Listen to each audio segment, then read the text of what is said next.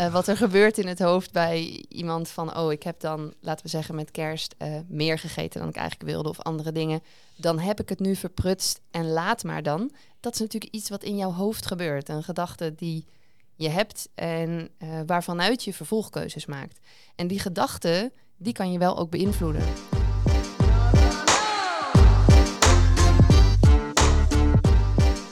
Ja, ja mensen, dit is onze tweede aflevering van Lifestyle Talk. Ik zit hier met Hessel ter Brugge en Mirna Mondria. Mirna Mondria.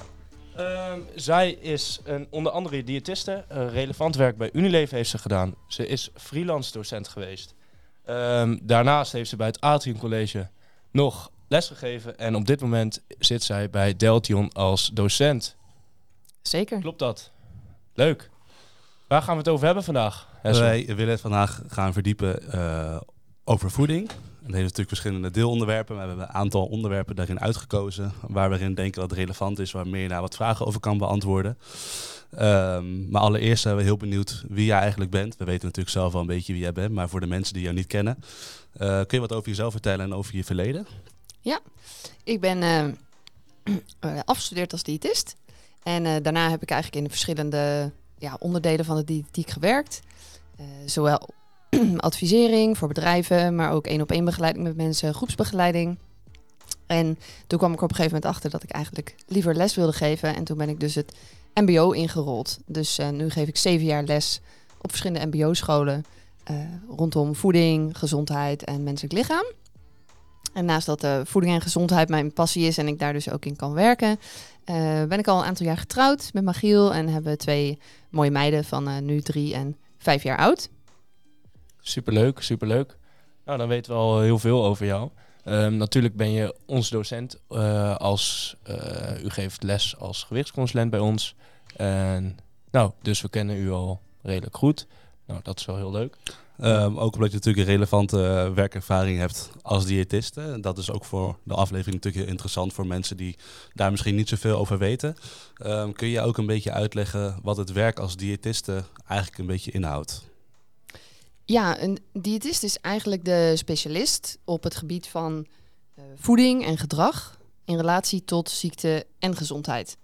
Uh, dus daar waar andere voedingsspecialisten zoals jullie na je studie of gewichtsconsulenten zich gespecialiseerd hebben in gezonde voeding voor mensen die uh, al redelijk gezond zijn of misschien wat fitter willen worden of wat kilo's willen afvallen, heeft een diëtist zich echt gespecialiseerd in het stuk ziekte in relatie met voeding. Dus dat betekent dat er diëtisten werken in het ziekenhuis, op de nierafdeling of met uh, te vroeg geboren baby's. Dat er diëtisten uh, werken die mensen helpen om na verwijzing door de huisarts uh, gewicht te verliezen als ze echt heel erg zwaar zijn en ook andere problemen hebben, zoals een hoog vetgehalte of een hoge bloeddruk.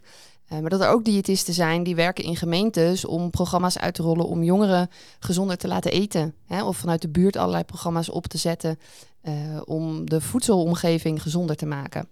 Dus diëtisten werken eigenlijk in een heel breed werkveld. En dan praat je eigenlijk uh, over preventie. Met het laatste uh, wat je vertelde, is eigenlijk ja. meer preventie van een stukje voeding. Um, en je hebt natuurlijk ook uh, eerste en tweede lijns diëtisten, denk ik. Heb jij in de eerste lijn zorg of in de tweede lijn zorg gewerkt?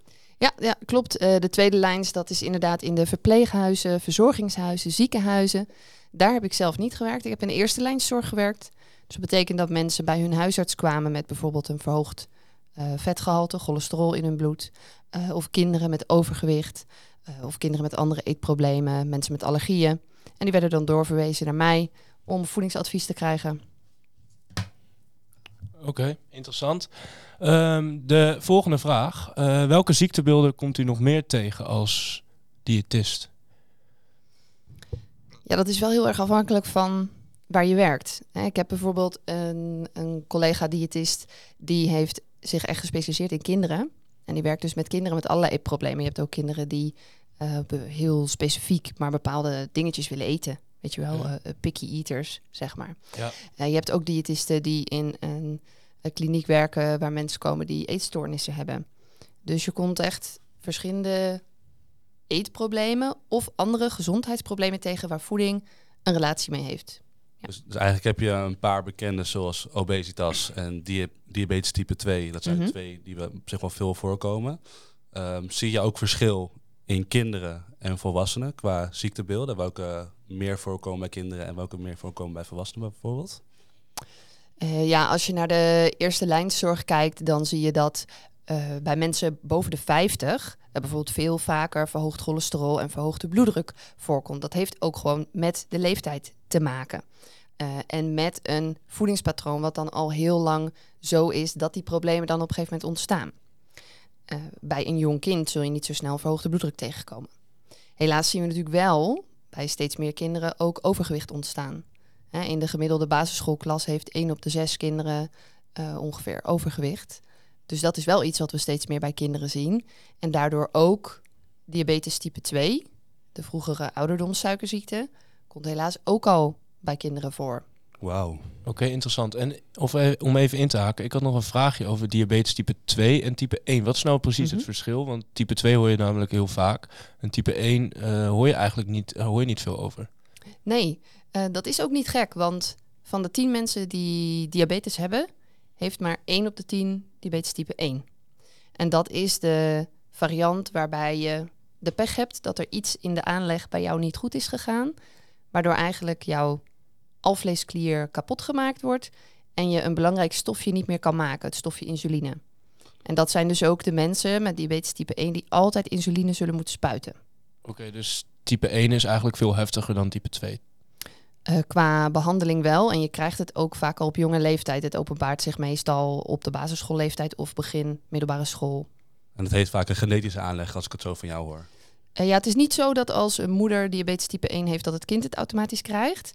Maar er is inderdaad in, Bij geboorte. uh, in de aanleg van jouw lijf al iets misgegaan. En dan is er ergens een trigger waardoor dat uh, naar buiten komt. Ja. Ik had vroeger een jongen in de basis, op de basisschool en die liep de hele tijd met zo'n kastje rond Mm -hmm. om zijn hals. En die moest de hele tijd gaan prikken. En om de, nou, om de twee uur moest hij prikken en dan voelde hij zich een keer niet goed. En dan moest hij gelijk weer een ligaatje nemen of wat suikers nemen. Ja. En daar werd wel altijd rekening mee gehouden. Maar uh, om dat te zien, dat was niet heel leuk. En hij strukkelde er zelf ook heel erg mee. En volgens mij, nu zag ik hem laatst weer in de sportschool. En nu heeft hij dat helemaal niet meer. En hij is er gewoon vanaf. Uh, hoe, kan, hoe zit dat dan precies? Uh, kan, je, kan je ervan afkomen? En, of moet je er leren mee omgaan? Nou, als je diabetes type 1 hebt, dan is dat helaas niet te genezen. Want dat orgaan, de alvleesklier, die wordt echt kapot gemaakt. Waardoor je dat stofje insuline dus niet meer maakt. Nou, dat stofje heb je nodig om suikers te gebruiken in jouw cellen om alles te doen wat je lijf kan. dus je moet dan insuline spuiten. Maar het is wel zo dat daar heel veel ontwikkeling in is. Zo dragen sommige mensen een kastje wat vanzelf de bloedwaarde eigenlijk een beetje meet.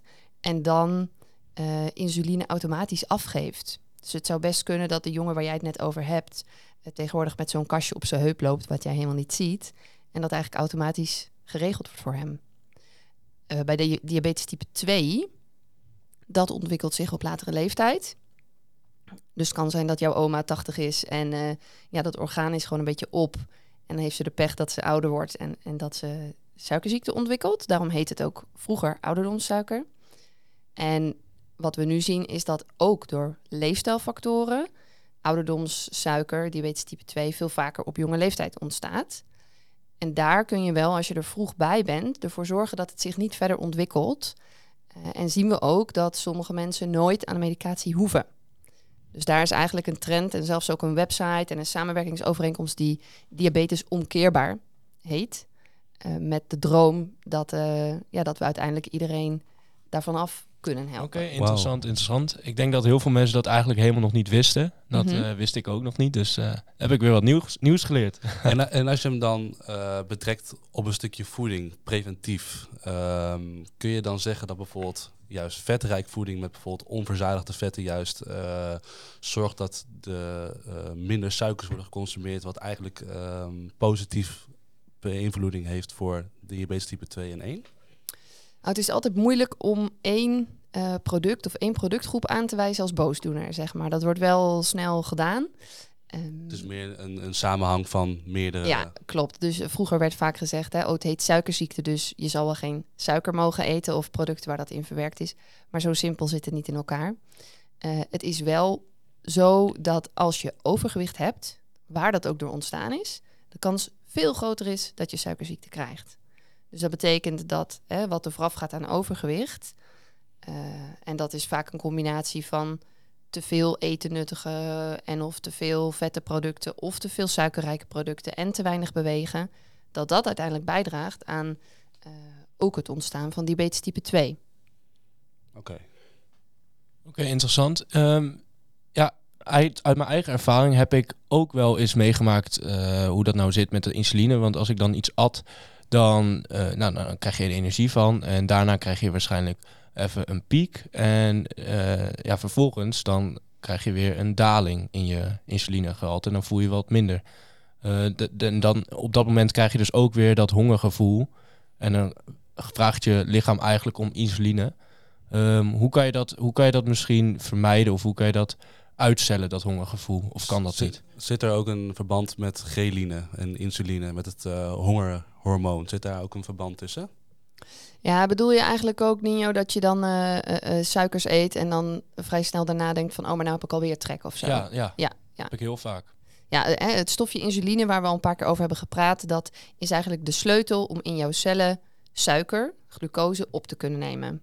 Dus als jij iets eet eh, waar glucose in zit, eh, of een andere vorm van suikers, koolhydraten, dan gaat dat stofje insuline zorgen dat in jouw armspieren en in je hersenen die suikers ook gebruikt kunnen worden. Zodat je kan nadenken en kan wandelen en fietsen.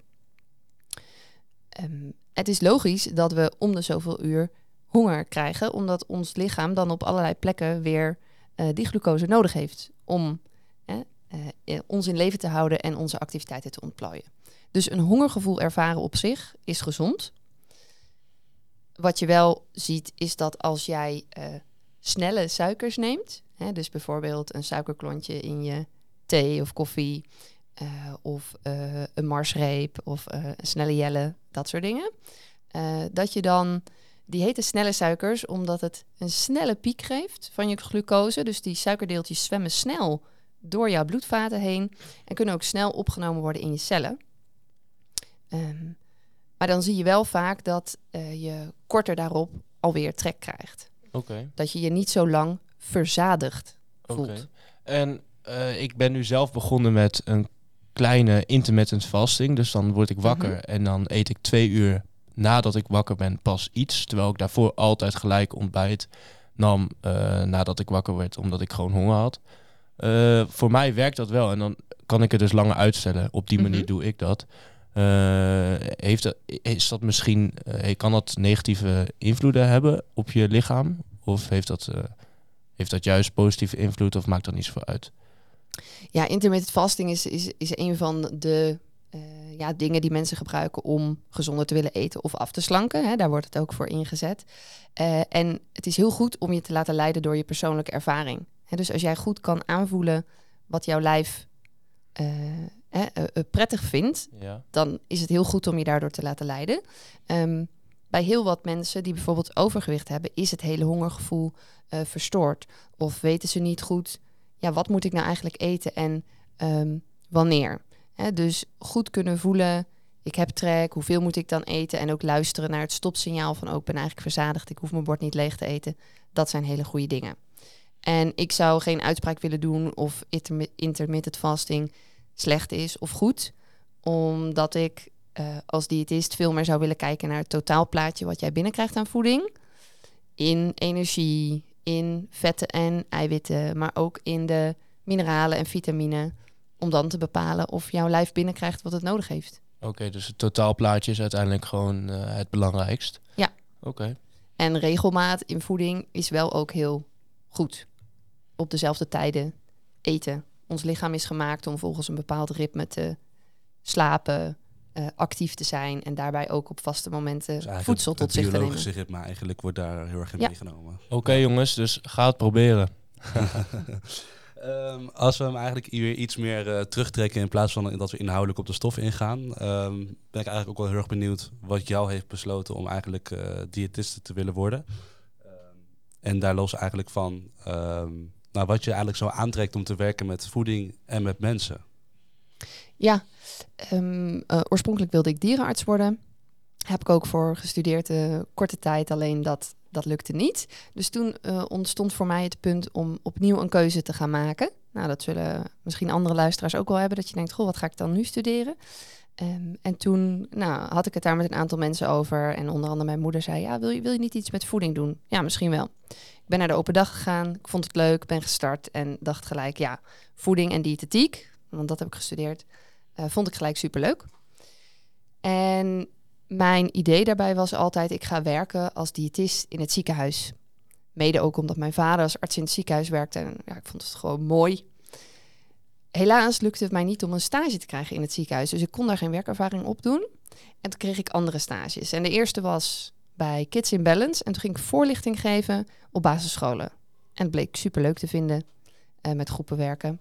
En bij mijn tweede stage heb ik individuele begeleiding gedaan bij mensen met overgewicht en zo, net als het werk wat ik later deed. En ook met sporters. En daar deden we ook groepsbegeleiding met sporters. En wat ik tijdens die stages en in het werk daarna ook wel merkte, is ik vind het gewoon heel gaaf om met voeding bezig te zijn en andere mensen daar dan iets in te kunnen leren, hè, kennis of vaardigheden, zodat ze zelf daar meer mee kunnen. Uh, het leuk vind om mensen te helpen. Hè, dus ik ben gewoon een behulpzaam type, zeg maar. Um, en ik ontdekte dus ook wel dat ik het werken met groepen leuker vind en daar meer energie van krijg dan met individuele cliënten te werken. Ah, mooi. Dat is eigenlijk ook wel een mooi bruggetje naar wat je nu doet. Natuurlijk het lesgeven. Dat ligt natuurlijk ook in verband met alle dingen die je net verteld hebt. Dat je graag met mensen werkt en dat je graag mensen helpt. Um, ja, ik vind het wel heel mooi om te horen waar je natuurlijk jouw passie ligt. Um, hoe lang heb je eigenlijk uh, uh, in de diëtiek gezeten en hoe lang heb je eigenlijk gaan les gaan geven? Ik heb uh, anderhalf jaar gewerkt in die eerste lijnzorg waar we het over hadden. Dat was in Den Haag. daarna heb ik twee jaar gewerkt bij een afslankprogramma. Uh, een eiwitrijk afslankprogramma als accountmanager. Dus daar ondersteunde ik eigenlijk uh, mensen in een sportschool of gewichtsconsulenten of voedingsconsulenten die met dat afslankprogramma werkten. Ja, dus was ik indirect betrokken bij die begeleiding. Um, nou, uh, Nino, jij noemde al dat ik bij Unilever heb gewerkt. Daar heb ik op de, het, het, klantcontactcentrum eigenlijk gewerkt. Dus daar belden allerlei mensen met vragen over bijvoorbeeld pindakaas van Calvé. Uh, en heb ik ook dingen uitgeschreven over producten als BCL Proactief, zodat je dingen kunt uitleggen aan hè, de gewone consument die dat eet.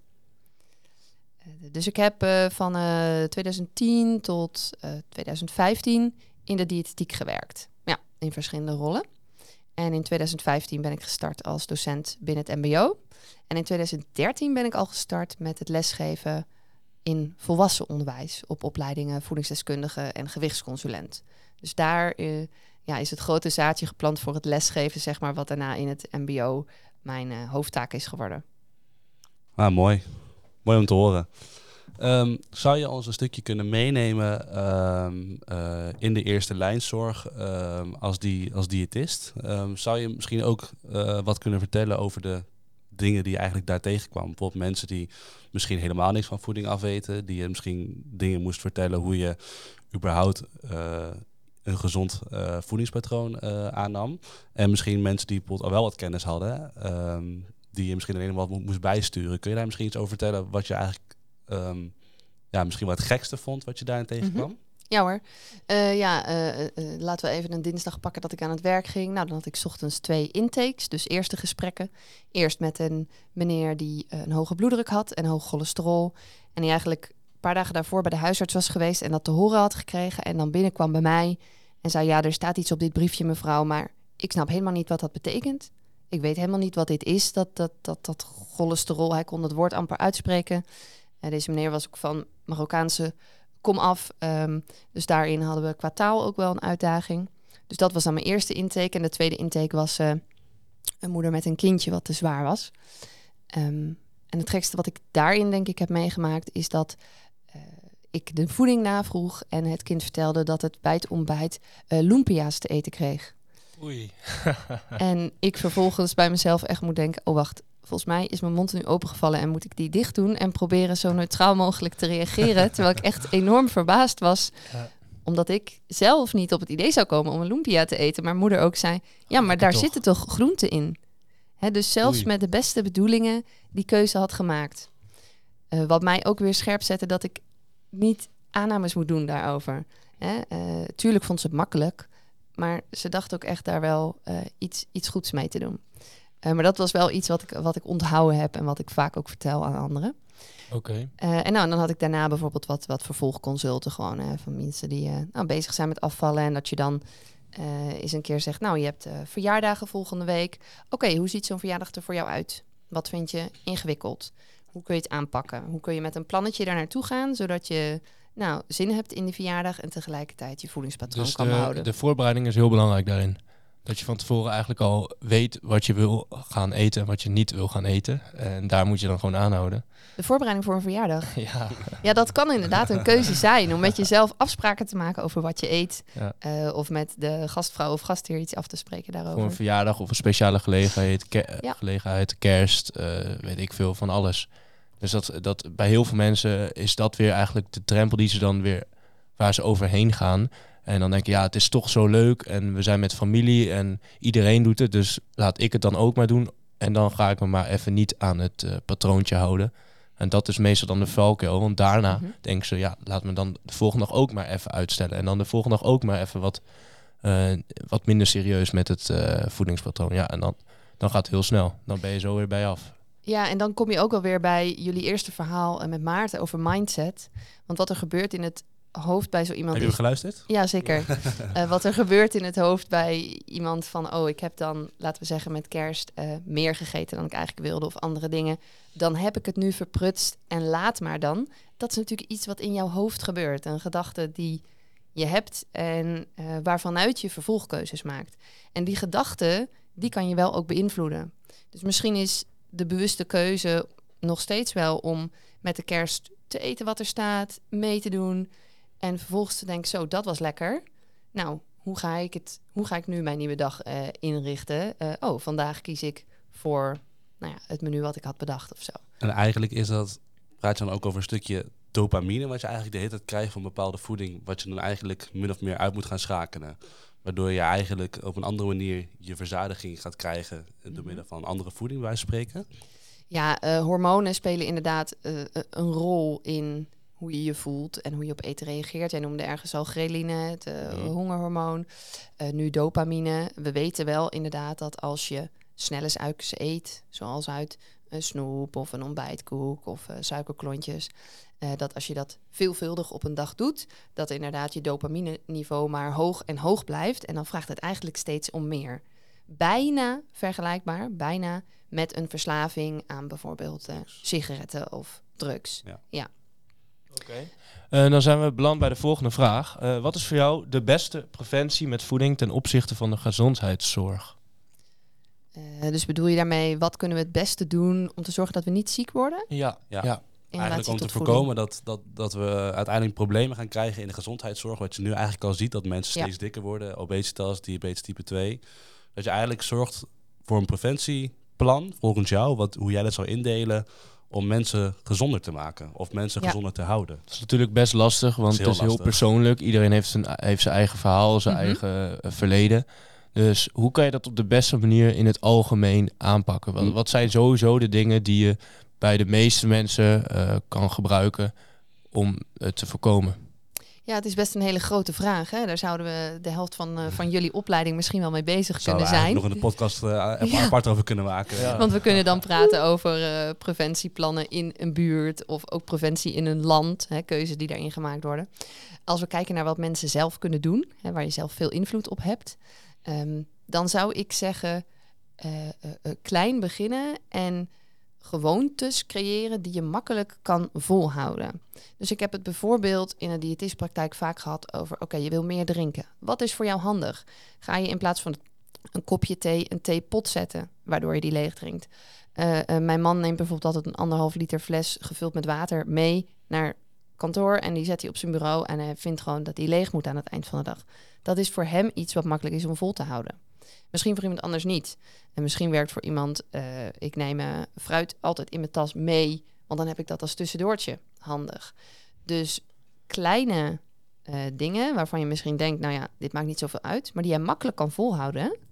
En als je daar meerdere van doet, ja, dan creëer je op termijn een opstapeling van gezonde gewoonten. Ja, dus het is gewoon Ja. houvast. En die kleine aanpassingen, als je, dat, als je die allemaal opstapelt, dan is het uiteindelijk best wel veel. Ja, Maar eigenlijk is het dus het metafoor van de ladder. Met kleine stapjes bereik je Zeker. eerder de bovenkant van de, van de Ja. ladder dan met grote stappen. Ja, absoluut. Kijk maar naar mensen die eh, begin van het jaar of misschien nu richting de zomer weer enorm gaan sporten. Ja. Eh, en dan daarna zeggen ook ik ben alleen nog maar ja, de, de sportschool aan het eh verteren, zeg maar, en ik kom er nooit meer. Ja. Het is misschien veel interessanter om te kijken, goh, wat vind ik echt leuk aan beweging of sport en welk klein ding kan ik dan gaan doen? Dus Hè, misschien eh, ga ik wel ehm, altijd om 11 uur een kwartiertje wandelen. En kan ik dat beter volhouden dan, oh, ik ga drie keer in de week sporten en uiteindelijk doe ik niks. Nee, precies. Want dan denk je gelijk van, dat is ook weer psychologisch. Je denkt, ja, het is heel veel en die stap is eigenlijk te groot. Nou, laten we gewoon klein beginnen. En dan, eh, dan kan je die dingen ook gewoon doen. En dan eh, heb je ook die voldoening aan het eind. Van, ik heb het gedaan. Ja. En aan het eind van de dag, oh, nou, dan volgende dag kan ik weer een stapje verder.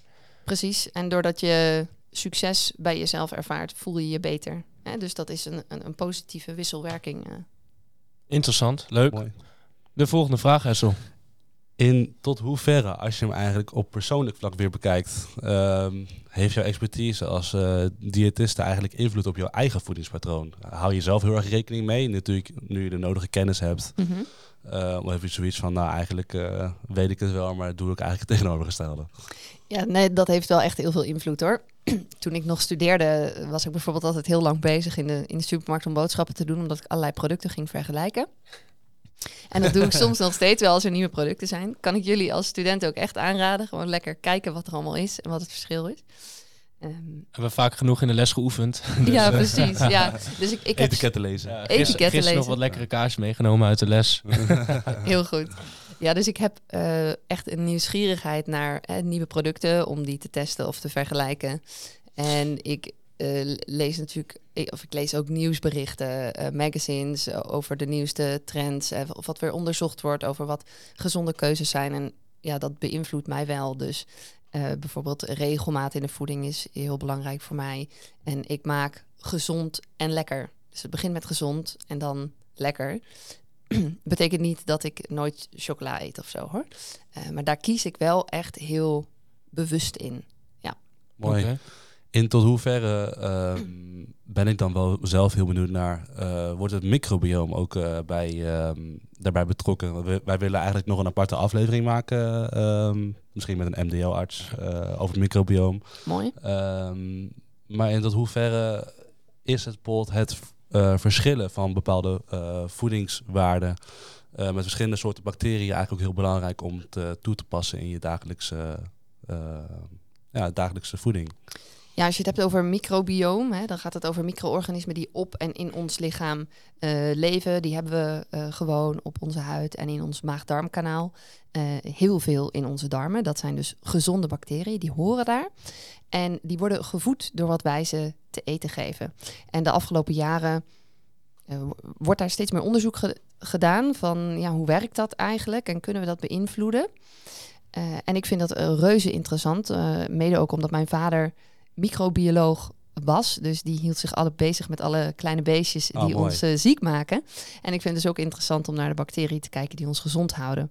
Ehm, dus zo stond er in de voeding nu bijvoorbeeld een artikel over dat op groente en fruit zitten ook heel veel eh, micro-organismen, want die komen van het land. Ja. Dus er leven eh, bacteriën, schimmels in de grond. Die komen op die groente en fruit terecht.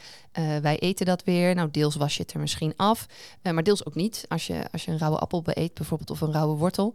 Dus men wil meer gaan onderzoeken van... goh, in hoeverre eh, kan ik groente en fruit eten... en daarmee de diversiteit en de hoeveelheid bacteriën in mijn darmen positief beïnvloeden. Nee, hoe, hoe- het is eigenlijk heel divers. Dus je hebt wel duizenden soorten bacteriën die in jouw darmen leven. En dat is Ja. juist heel goed. Oké, dus hoeveel, hoe meer bak- hoeveel meer bacteriën je hebt, hoe beter het is eigenlijk. Ja, dus een grote hoeveelheid en van verschillende soorten en families, zeg maar. Oké. Uh, Nio, als ik dan eigenlijk naar jou kijk, jij neemt natuurlijk nu, ehm dat moet ik ook even aan de luisteraar ook even uitleggen. Nio die Ja, neemt, eh, eens. neemt nu eigenlijk dagelijks slash wekelijks neemt hij verschillende soorten voedings, eh, ja, voedingsartikelen mee. Dus hij neemt een keer de rode biet, andere keer ja, een ja, sla. ja, zeker. Ja, Dan zijn natuurlijk wortels, allemaal verschillende dingen. Maar dat vind ik Mhm. eigenlijk heel goed van Nio. Want ik zou het ook tegen hem. Eigenlijk is dat eh, de, de verschillende bacteriën binnenkrijgen van verschillende voeding is eigenlijk helemaal, Zeker. helemaal niet slecht. Best wel gezond voor je microbioom. Ik ben er een klein beetje in losgeslagen, maar eh, zo ben ik nou eenmaal. En ik wil, ik wil ook gewoon lekker alles proberen en eh, Ja. ervaren hoe dat is. En ik doe dat nu ja, een aantal weken en dat gaat eigenlijk heel goed. Ik ben deze week begonnen met rode bieten. In plaats van eh, brood en zo eet ik dus nu veel meer groente in de middag. En Mhm. eh, ik merk ook dat ik veel meer energie heb aan het eind van de dag. En dat ik ook geen dipjes meer ervaar. Dus voor mij Ja. is het echt wel een, eh, ja, een, een, een heel goed alternatief. Dus ik, meer groente eten. vind ik heel mooi, want als je natuurlijk mensen kijkt... Je gaat natuurlijk een stuk verder dan alleen de voeding. Want als je mensen kijkt die bijvoorbeeld inderdaad die energiedippen hebben... dan is zo'n oplossing, zou bij wijze van spreken al heel erg kunnen helpen. Dus ik vind het eigenlijk een heel mooi initiatief. En ik zou, nou ja, ook als ik naar meer naar kijk... ik denk dat meer het ook al nou, deels kan bevestigen dat het klopt... ehm, mensen aanraden om dat eigenlijk ook te doen. En dan ben ik zelf wel een beetje autistisch daarin. Want dan wil ik wel alles biologisch en alles zo ja, gezond mogelijk. Mhm. Eh, daar zit dan wel een prijskaartje aan. Eh, maar ja, dat, dat, dat heb ik dan wel voor over. Dus. Ja, ja. Nou ja, als je het hebt over die energiedips, zijn eh, veel mensen misschien geneigd om te denken: Oh, ik, ik, ik voel me moe of ik, eh, ik ben niet fit. Nou, weet je wat? Dan neem ik eh, ontbijtkoek of een Mars of, of dat soort dingen. Hè? Ook snelle gemaksproducten. Of ik neem nog veel meer koffie vandaag. Terwijl- Eh, waardoor uiteindelijk, als ze dan nog meer koffie nemen, ze de volgende nacht weer slechter slapen. En dan kom je in een negatieve spiraal. Hey, Ja. Is het ook zo dat eh, koffie heel erg onderschat wordt? Slash eh, de hoeveelheid cafeïne die nog doorwerkt in onze hersenen. Ik heb laatst eh, heb ik een boek gelezen eh, waarin stond dat het eh, soms wel eh 8 tot 12 uur duurt voordat de echte cafeïne helemaal uit onze hersenen verdwenen is. Heeft dat te maken met adenosine die natuurlijk opgebouwd wordt in onze hersenen, waardoor we minder kunnen slapen? Nou, ik denk dat de, de meeste mensen geen idee hebben van de, de afbreektijd van cafeïne. Dus hoe lang duurt het voordat mijn lichaam dit in kleine stukjes heeft Ja, geknipt? dat het dan echt onderschat wordt. Ja, dat kan. Ehm, dus daar kunnen we bijvoorbeeld, hè, ook met eh, jullie, als je straks klaar bent en als voeding- en aan het werk gaat, en we hebben het over preventie, kunnen we daar ook weer van alles in doen. Hè, je hebt altijd een stukje kennis nodig om keuzes te maken. Als ik niet weet dat er cafeïne in koffie en chocola en cola zit en wat dat met me doet en dat dat mijn slaap kan beïnvloeden, dan kan ik daar ook geen keuze in maken. Nee, oké. Duidelijk. Ehm, even kijken. We hebben nog een leuk vraagje voor u. Voor je. wat, heeft, wat heeft jou doen te besluiten om te gaan stoppen als diëtist en in plaats, van daar, in plaats daarvan eh, voor de klas te gaan staan? Ja, we Wel een leuke vraag. Ja, zeker. Eh, het kwam net al een beetje aan bod. Ik had op een gegeven moment een moment dat een baan weer stopte. En dan zat het een mooi moment om te kijken, oké, wat wil ik nu graag? Dus ik heb letterlijk een groen vel papier gepakt en een rode. En opgeschreven, wat wil ik wel in werk op de groene en wat wil ik niet op de rode. En zo rolde er eigenlijk uit dat ik dacht, ja, met groepen werken, kennis overdragen, menselijk lichaam, voeding. Ik wil les gaan geven. Nou, waar kan ik dat dan doen? Toen ben ik op onderzoek uitgegaan. En zo kwam ik erop uit om les te gaan geven op het MBO. eh, waarbij ik dus gelijk zou starten als docent.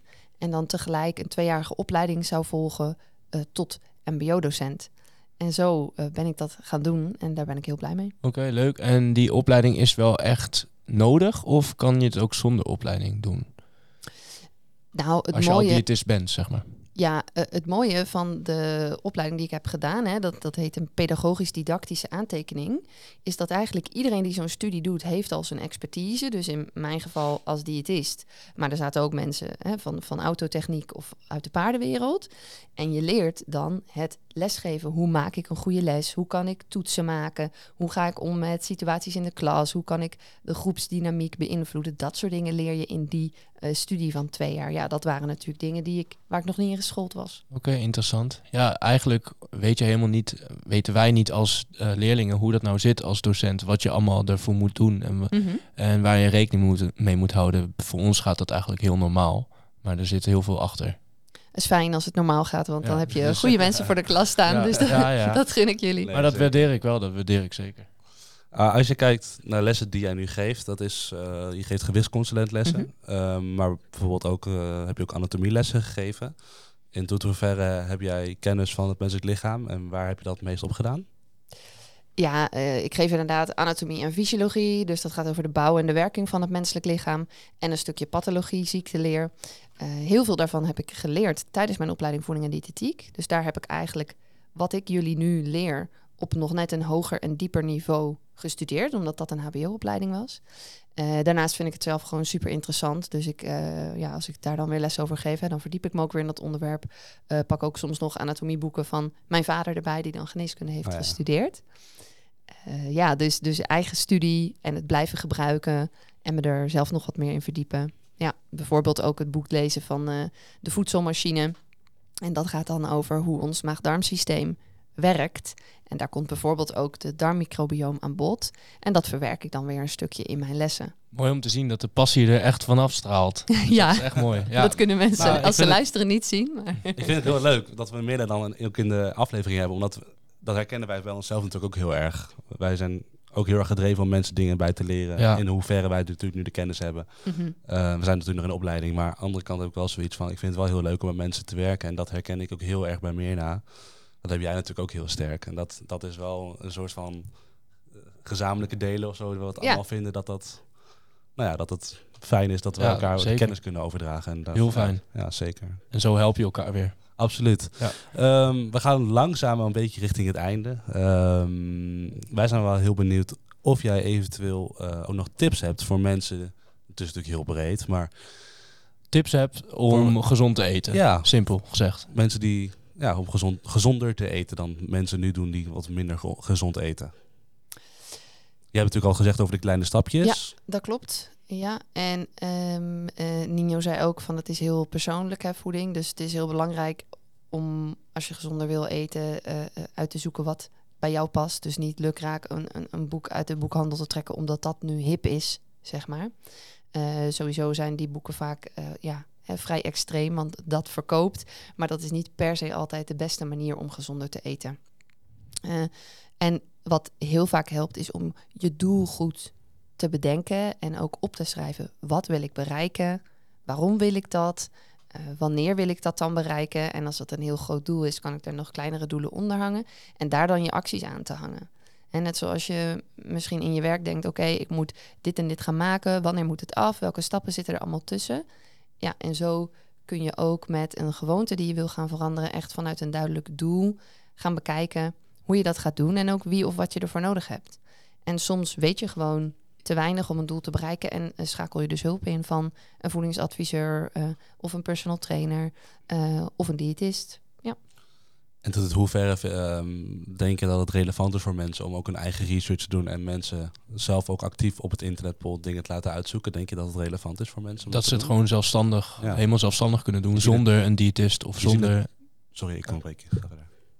Ga jij maar verder. Nou, je ziet natuurlijk veel dat eh, ehm, mensen natuurlijk nu veel meer eigen research doen, ook bij social media. Dat mensen het heft in eigen handen nemen. Mhm. Ehm, ik denk dat dat steeds meer gebeurt. Zag je dat ook al destijds in toen je diëtist was? Of was dat nu meer van de laatste tijd? Mm, Dat was met de doelgroep waar ik toen mee werkte. En dan hebben we het dus ook, al, alweer over tien jaar geleden. Was dat wel wat minder. Eh, dat had deels ook te maken dat ik veel werkte met mensen van Marokkaanse of Turkse eh, kom af. En nou ja, die daar minder mee bezig waren. Daarnaast heeft dat ook wel echt een vlucht genomen de afgelopen vijf jaar of zo. Het is natuurlijk prima om je te verdiepen in een onderwerp waar je zelf meer over wil leren. En dat kan je op verschillende manieren doen. En je kunt een boek gaan lezen, je kunt eh, een podcast gaan luisteren, je kunt video's gaan kijken, je kunt de blogs gaan lezen. Wat bij voedingsinformatie belangrijk en ook wel ingewikkeld is, is dat je niet altijd weet bij wie het vandaan komt en of het betrouwbaar is. En dat is wel eens moeilijk voor de leek, zou ik maar zeggen. Ehm, dus als je gaat lezen over voeding online, is het heel goed om te kijken, goh, wie heeft dit opgeschreven? En heeft hij dan een bepaalde achtergrond in voeding? Of heeft hij misschien een heel, nou ja, extreem gedachtegoed over voeding? En is het goed om zomaar klakkeloos over te nemen wat hier staat? Ja, dus de bronnen zijn ook echt wel belangrijk. Ja, dat klopt. Ja. Duidelijk. Nou, mooi. Ik denk dat we wel eh, nou, eigenlijk veel van meer naar te weten zijn gekomen. Ze heeft eigenlijk veel kunnen vertellen. Ehm, zijn er zelf nog dingen die jij graag nog zou willen behandelen, Mirna? Of Nee, volgens mij hebben we een heel mooi eh, verhaal over voeding zo eh, gemaakt. Ja, we mooi. hebben overal een beetje hier wat hier en daar over gesproken. Dus dat is heel mooi. Eh, veel over diabetes en insuline, daar heb ik zeker veel over geleerd. En Ja. daar ga ik ook eh, zelf nog wat onderzoek over doen. Het lijkt me wel heel leuk en interessant om er meer over te weten. En eh, nou, bedankt Hessel, bedankt Mirna. Graag gedaan. Eh, jongens, tot de volgende keer. tot de volgende keer. Ciao, ciao.